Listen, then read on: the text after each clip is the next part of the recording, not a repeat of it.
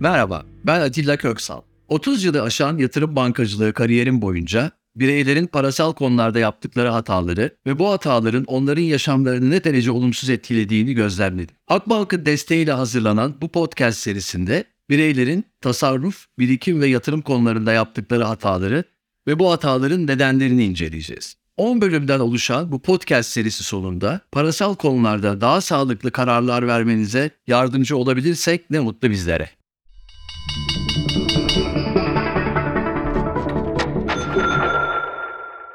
Alışverişe gittiğinizde zaman zaman ihtiyacınız olmayan şeyleri alıyor musunuz?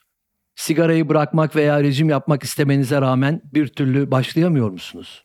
Arkadaşlarınızdan etkilenerek hisse senedi veya kripto para alıp zarar ettiğiniz oldu mu? Yatırımlarınızı daha çok risksiz olduklarını düşündüğünüz yatırım araçlarını mı yapıyorsunuz? Altın veya döviz alınca iyi bir yatırım yaptığınızı mı düşünüyorsunuz? Podcast serimin ilk bölümünde parasal konularda yaptığımız hataları listelemiş ve bu hataların bazılarının finansal okuryazarlık eksikliğinden, bazılarının da psikolojik ve sosyolojik faktörlerin finansal kararlarımızı etkilemesinden kaynaklandığını anlatmıştım. Bu bölümde karar alırken beynimizin bizi zaman zaman nasıl yanılttığını göreceğiz. Günlük yaşantımızda aldığımız finansal kararların bazıları oldukça sıradandır. Bir lokantada yemek yemek yerine öğlen yemeğini simit ile geçiştirmek veya otobüs yerine taksiye binmek gibi. Bazıları da ev veya araba almak, bireysel emeklilik sistemine girmek, kumar oynamak, bir akrabamıza önemli bir miktarda borç para vermek gibi belki de yaşantımızı önemli ölçüde etkileyebilecek kararlardır. Son 20-30 yılda popüler olan davranışsal ekonomi bilim dalı, bireylerin ekonomik davranışlarını inceler ve o davranışların nedenlerini anlamaya çalışır. Hepimiz biliyoruz ki mükemmel bir insan yoktur. Finansal konularda tecrübeli olan veya olmayan herkes sürekli olarak hatalar yapar. Bu hataların bazıları tesadüfi olarak olumlu sonuçlar doğursa da bunların çoğu yaşantımızda olumsuz etkiler yaratır.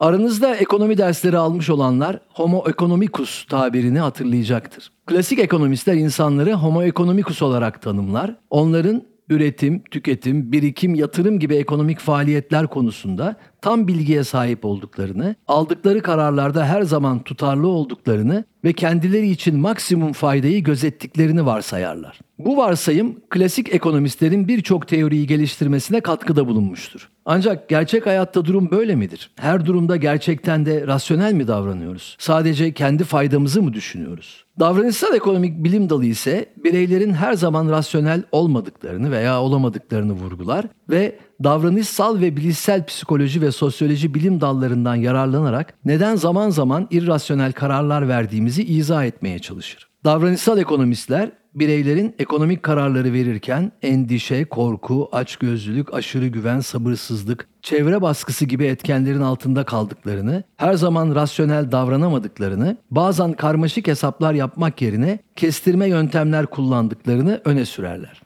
Davranışsal ekonomistlere göre dünya üzerinde yaşayan insanlar verdikleri irrasyonel kararlar neticesinde büyük zaman ve para kayıplarına neden olmakta, çevreye ve kendilerine zarar vermektedirler. Davranışsal ekonomi bilim dalının babası olarak tanımlayabileceğimiz Daniel Kahneman 2015 yılında Thinking Fast and Slow diye bir kitap yazdı. Bu da Türkçemize hızlı ve yavaş düşünme diye tercüme edildi. Bu kitapta Kahneman beynimizin işleme sisteminin bizi nasıl yanılgılara ve ön yargılara sürüklediğini anlatır. Kahneman kitabın giriş bölümünde insanların güncel hayatlarında iki tür davranış sistemi ile hareket ettiklerini anlatır ve bunları sistem 1 ve sistem 2 olarak tanımlar.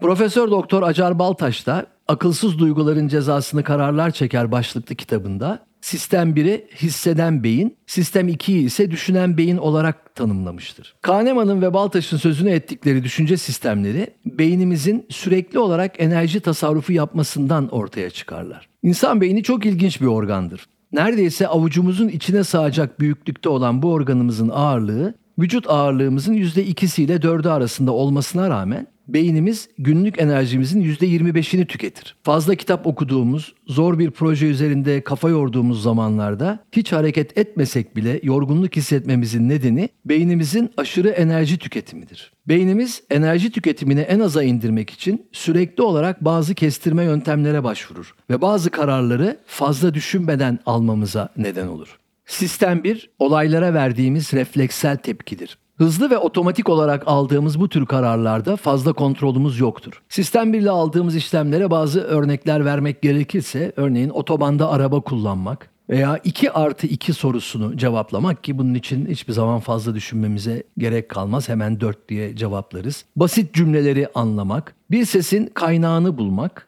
Değil mi? Bir ses duyduğumuzda hemen kafamızı oraya çeviririz. Düşmanca bir bakışı veya hareketi anlamak. Tüm bu zihinsel aktiviteler otomatik olarak gerçekleşir. Doğuştan gelen bu özellik bizlerin çevremizdeki nesneleri tanımamıza, tehlikeleri belirlememize, önlemler almamıza yardımcı olur. Örneğin karşıdan süratle üzerimize gelen bir arabadan kaçmak için fazla bir düşünce süremiz yoktur. Sistem 1 bizi hemen harekete geçirir ve o araba altında kalmaktan bizi kurtarır. Sistem 2 ise aldığımız uzun vadeli kararlarda, önemli konularda yaptığımız seçimlerde kullandığımız, detaylı analiz ve hesaplama gerektiren, kontrollü ve disiplinli bir düşünce ve davranış tarzıdır. Sistem 2 ile yaptığımız işlemlerin bazıları örneğin kalabalık içinde bir arkadaşımızı bulmaya çalışmak, bir yazının içindeki A harflerini saymak, 32 kere 45 kaçtır sorusunu cevaplamak, biraz önce 2 artı 2 kaçtır diye sistem 1'de hemen cevapladığımız bir çarpma sorusunu tabii zorlaştıkça ancak sistem 2 ile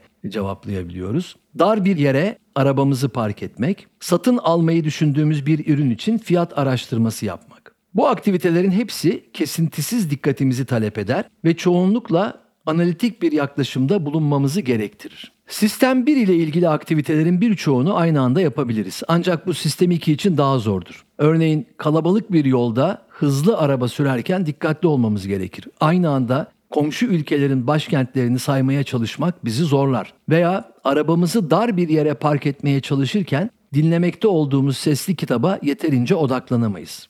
Yaşantımız boyunca bu iki sisteme de ihtiyacımız vardır. Sistem 1 bizi ani tehlikelerden korur. Birçok konuda hızlı karar almamıza yardımcı olur, zaman kazandırır ve enerji harcamamızı önler. Sistem 2 ise uzun vadeli sağlıklı kararlar almamıza, karmaşık problemleri çözmemize yardımcı olur. Dikkat etmemiz gereken konu sistem 2 ile vermemiz gereken kararları sistem 1 ile vermemektir. Ancak sistem 2 maalesef sistem 1'den sürekli olarak etkilenir. Bu da davranışlarımızda her zaman rasyonel olamamamıza ve zaman zaman sezgilerimizi kullandığımız kestirme yollara başvurmamıza yol açar. Beynimizin limbik sistem olarak tanımlanan bölgesi sistem 1'in merkezidir.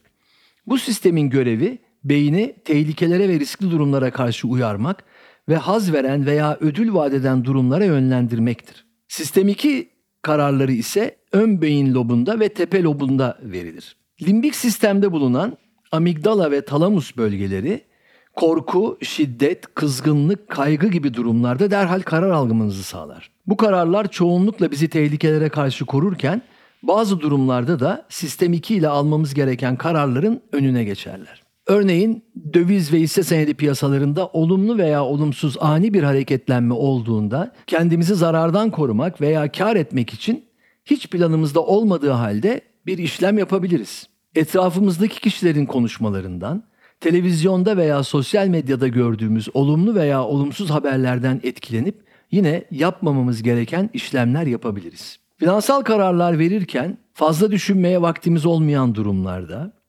veya değerlendirmemiz gereken çok fazla bilgiyle karşılaştığımızda veya çok az bilgiyle karar verme durumunda kaldığımızda işte beynimiz kestirme yollara başvurmayı tercih eder. İşte bu kestirme yollar bizlerde irrasyonel finansal kararlar almamıza neden olan ön yargılara ve bunların doğurduğu yanılgılara neden olur. Davranışsal ekonomistler bu yanılgıları üç ana sınıf altında toplarlar. Bunların birincisi bilişsel yanılgılardır. Bilişsel nedenlerden doğan yanılgılar genelde geçmişten gelen yanlış inançlar, bilinçaltımızın yönlendirmeleri, hafıza yanılmaları ve istatistikleri ve bilgileri yanlış sınıflamamız veya işlememiz sonucu ortaya çıkarlar. Örneğin geçmişte yaşadığımız olumsuz olayların etkisi altında kalıp yatırımlar konusunda tutucu davranırız. Birçoğumuz sadece dolar ve altına yatırım yapar. Hatta bunları bankacılık sisteminde değil, evimizde saklarız. Bize ulaşan bilgileri incelerken kendi kararlarımızla uyumlu olanları tercih eder, aykırı olanları göz ardı etme eğiliminde oluruz. Örneğin bir hisse senedine yatırım yaptıysak, o hisse senediyle ilgili olumsuz haberleri göz ardı eder olumlu olanlara kulak veririz. Başarılı olan yatırımlarımızın sonuçlarını kendimize atfeder, başarısız olanlar içinse bahaneler üretiriz. Örneğin işte yabancı satışı geldi deriz, Merkez Bankası faiz yükseltti deriz ve bahanelerle e, hatayı e, başka yerde ararız. Bir olayın gerçekleşmesinden sonra önceki inançlarımızı abartırız.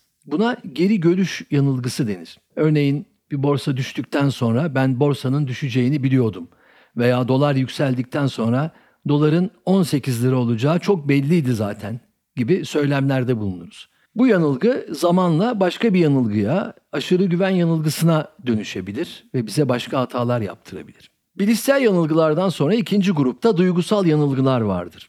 Bunlar endişe, hırs, gurur, pişmanlık, korku, ümit gibi duygularımızın eseridir. Örneğin bazı yatırım araçlarına çeşitli nedenlerden dolayı yakınlık hissederiz. Ereğli'de oturanlar Erdemir, Bursalılar Bursa Çimento hissesi aldıklarında kendilerini daha güvende hissederler. Altın, Türk halkının yakınlık hissettiği ve güvenli olduğunu düşündüğü yatırım araçlarının başında gelir. Özellikle piyasaların iyi olduğu dönemlerde yaptığımız karlı işlemler kendimize olan güveni arttırır ve gittikçe aldığımız riski büyütürüz. Halbuki aslında birçoğumuz piyasa yükseldiği için kazanırız. Zarar etmekten veya pişmanlık duymaktan korkarız. İnsan doğası zarar ettiğinde, kar ettiğinde aldığı hazzın iki misli büyüklüğünde sıkıntı duyarmış. Bu nedenle hisse senedi yatırımlarından çoğumuz uzak dururuz. Halbuki hisse senetlerinin kısa vadede oynaklığı yüksektir ama iyi seçilmiş bir hisse senedi portföyünün uzun vadede iyi getiri sağladığı da ispatlanmış bir gerçektir. Yaptığımız bir yatırım zarara dönüşürse onu elde tutmayı tercih eder zararı realize etmeyiz. Yatırım kötü olsa bile onu tutmaya devam ederiz. Zarar kağıt üzerinde kaldığı sürece resmen gerçekleşmemiş diye düşünürüz. Karlı yatırımlarımızı ise daha kolaylıkla satar, uzun vadeli trendleri kaçırırız. Bizi yanılgılara sürükleyen üçüncü etken ise sosyal etkileşimdir. İçinde yaşadığımız çevre, arkadaşlarımız, sosyal medyada gördüğümüz mesajlar, uzmanların tavsiyeleri ve bunun gibi birçok neden kararlarımızı sürekli etkiler. Bunu bir sonraki podcast'te detaylıca konuşacağız. Yanılgılarla ilgili sayısız örnek vermek mümkündür. Google'da davranışsal yanılgılar diye bir arama yaparsanız karşınıza yüzlerce değişik yanılgı çıkar.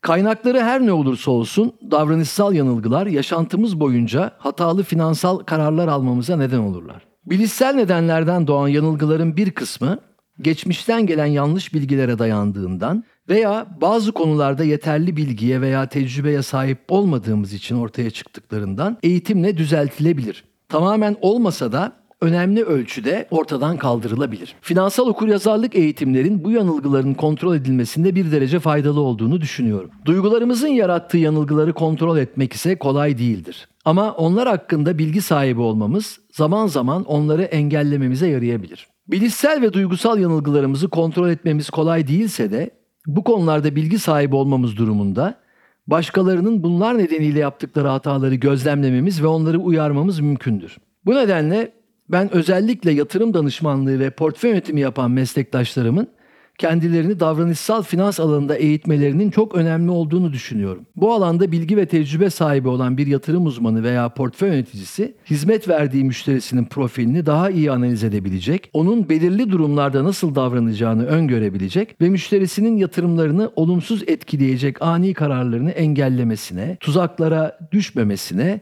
sürü psikolojisine kapılmamasına yardımcı olabilecektir. Benzer bir durum ailemiz için de geçerlidir. Herkesin davranışsal finans uzmanı olmasını beklemek tabii ki gerçekçi değildir. Birikim yapmayı erteleme, zarardan ve pişmanlıktan kaçınma, başkalarına özenerek yatırım yapma, kendine aşını güvenmek gibi temel yanılgılar hakkında fikir sahibi olan aile bireylerinin birbirlerini bu tür yanılgılara karşı uyarmaları mümkündür. Finansal okuryazarlık çalışmalarının davranışsal finans uygulamaları ile birleştirilmesi bu konularda bireylerde farkındalık yaratacaktır. Bugünlük bu kadar. Bir sonraki podcast'te görüşmek üzere. Sağlıcakla kalın.